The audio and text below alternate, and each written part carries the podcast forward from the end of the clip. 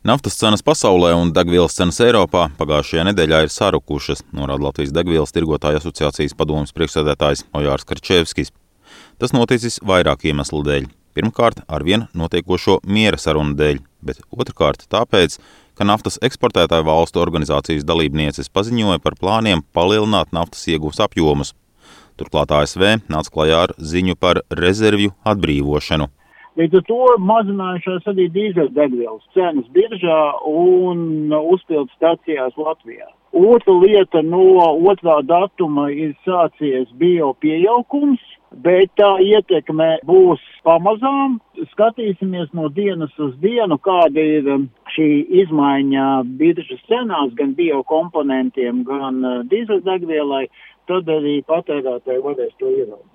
Pašlaik degvielas cenas Latvijā nemainās, bet pircēji tiek brīdināti par biodegvielas piedevas diktētu cenu kāpumu pat līdz 12 centu apmērā uz litru.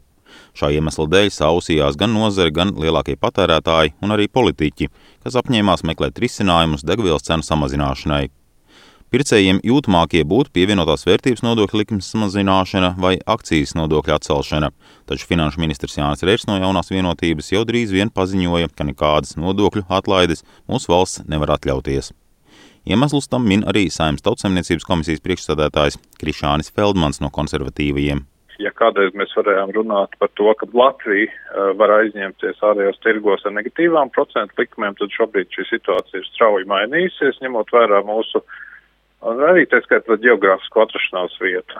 Un šobrīd jau jebkura ārējā parāda palielināšana vai esošā parāda refinansēšana notiek par pozitīvām, nevis negatīvām procentu likmēm.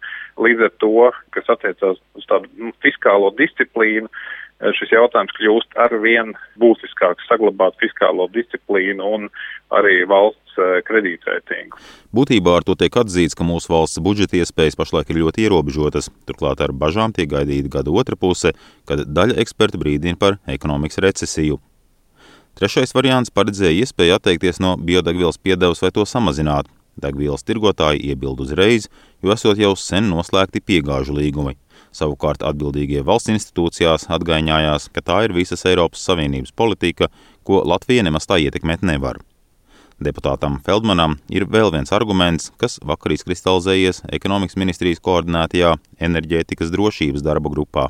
Ir jāsaglabā status quo, respektīvi, ka nav jāatliek biokomponents jautājumu, jo tas ir saistīts ar vispārējo naftas produktu, tas skaitā draudošo dīzeļdegvielu deficītu Eiropā, un eh, līdz ar to jebkurš šis biokomponentes eh, samazinājums šajā ražošanas procesā nozīmē, ka tas būtu jāizstāj ar eh, fosīlo produktu, kur šobrīd tirgu ir, nu, maigi izsakoties, diezgan ierobežot apjomā nopērkams. Un līdz ar to izskatās, ka varētu tikt saglabāts status quo. Satraukušies par degvielas cenu kāpumu ir arī lauksaimnieki, kam turklāt pienākas samazināta akcijas nodokļa likme un līdz ar to arī pieejama lētāka degviela. Biedrības zemnieku saima valdes loceklis Mārtiņš Trons stāsta, ka vēl gaida augstāko amatpersonu atbildes vēstuli. Patērētājs parastais droši vien mēnešu laikā varbūt var nobraukt no bāku. Attiecīgi, jā, nu cik mašīnas bākā ir kāda 70 litri, jā. Mums tomēr uh, lauksaimniecībā tas degvielas patēriņš ir krietni lielāks. Ja tā ir lopkopības saimniecība, tad dienā tur jau aiziet vairāk simti litru degvielas. Ziemas pavasara periodā, tik līdz sākas lauku darbi, tā tur aiziet arī 50, 60, 70 litru uz hektāru pavasara periodā. Arī tāds var būt. Lauksamnieki gribētu panākt vēl mazāku akcijas nodokli vai pat vispār zemniekiem to nepiemērot. Taču par spīti vēlēšanu tuvumam Finanšu ministrija tādu domu vismaz pagaidām noraida. Palīdzības ideja ir degvielas tirgotāja asociācijas padomus priekšsēdētājiem Karčevskim, taču zemniekiem tā nezvai palīdzētu. Viņš piedāvā mērķētu atbalstu. Caur pašvaldībām tiek atbalstīti tādi braucēji, kuri ar vieglajām automašīnām tiešām savādāk nevar sasniegt savu mācu vai pašvaldību. Ir mērķēts atbalsts noteiktām sociālām grupām. Tas neizklausās nu, utopiski mazliet. Nē, es domāju, ka neizklausās. Nu, ja tagad pensionāriem var skaitīt 20 eiro par elektrību, kāpēc nevarētu pensionāriem skaitīt, piemēram, kaut kādu daļu par degvielu? Arī tas iespējams. Īpaši, ja vēlēšanas nāk. tur es neesmu kompetents par to, es nezinu.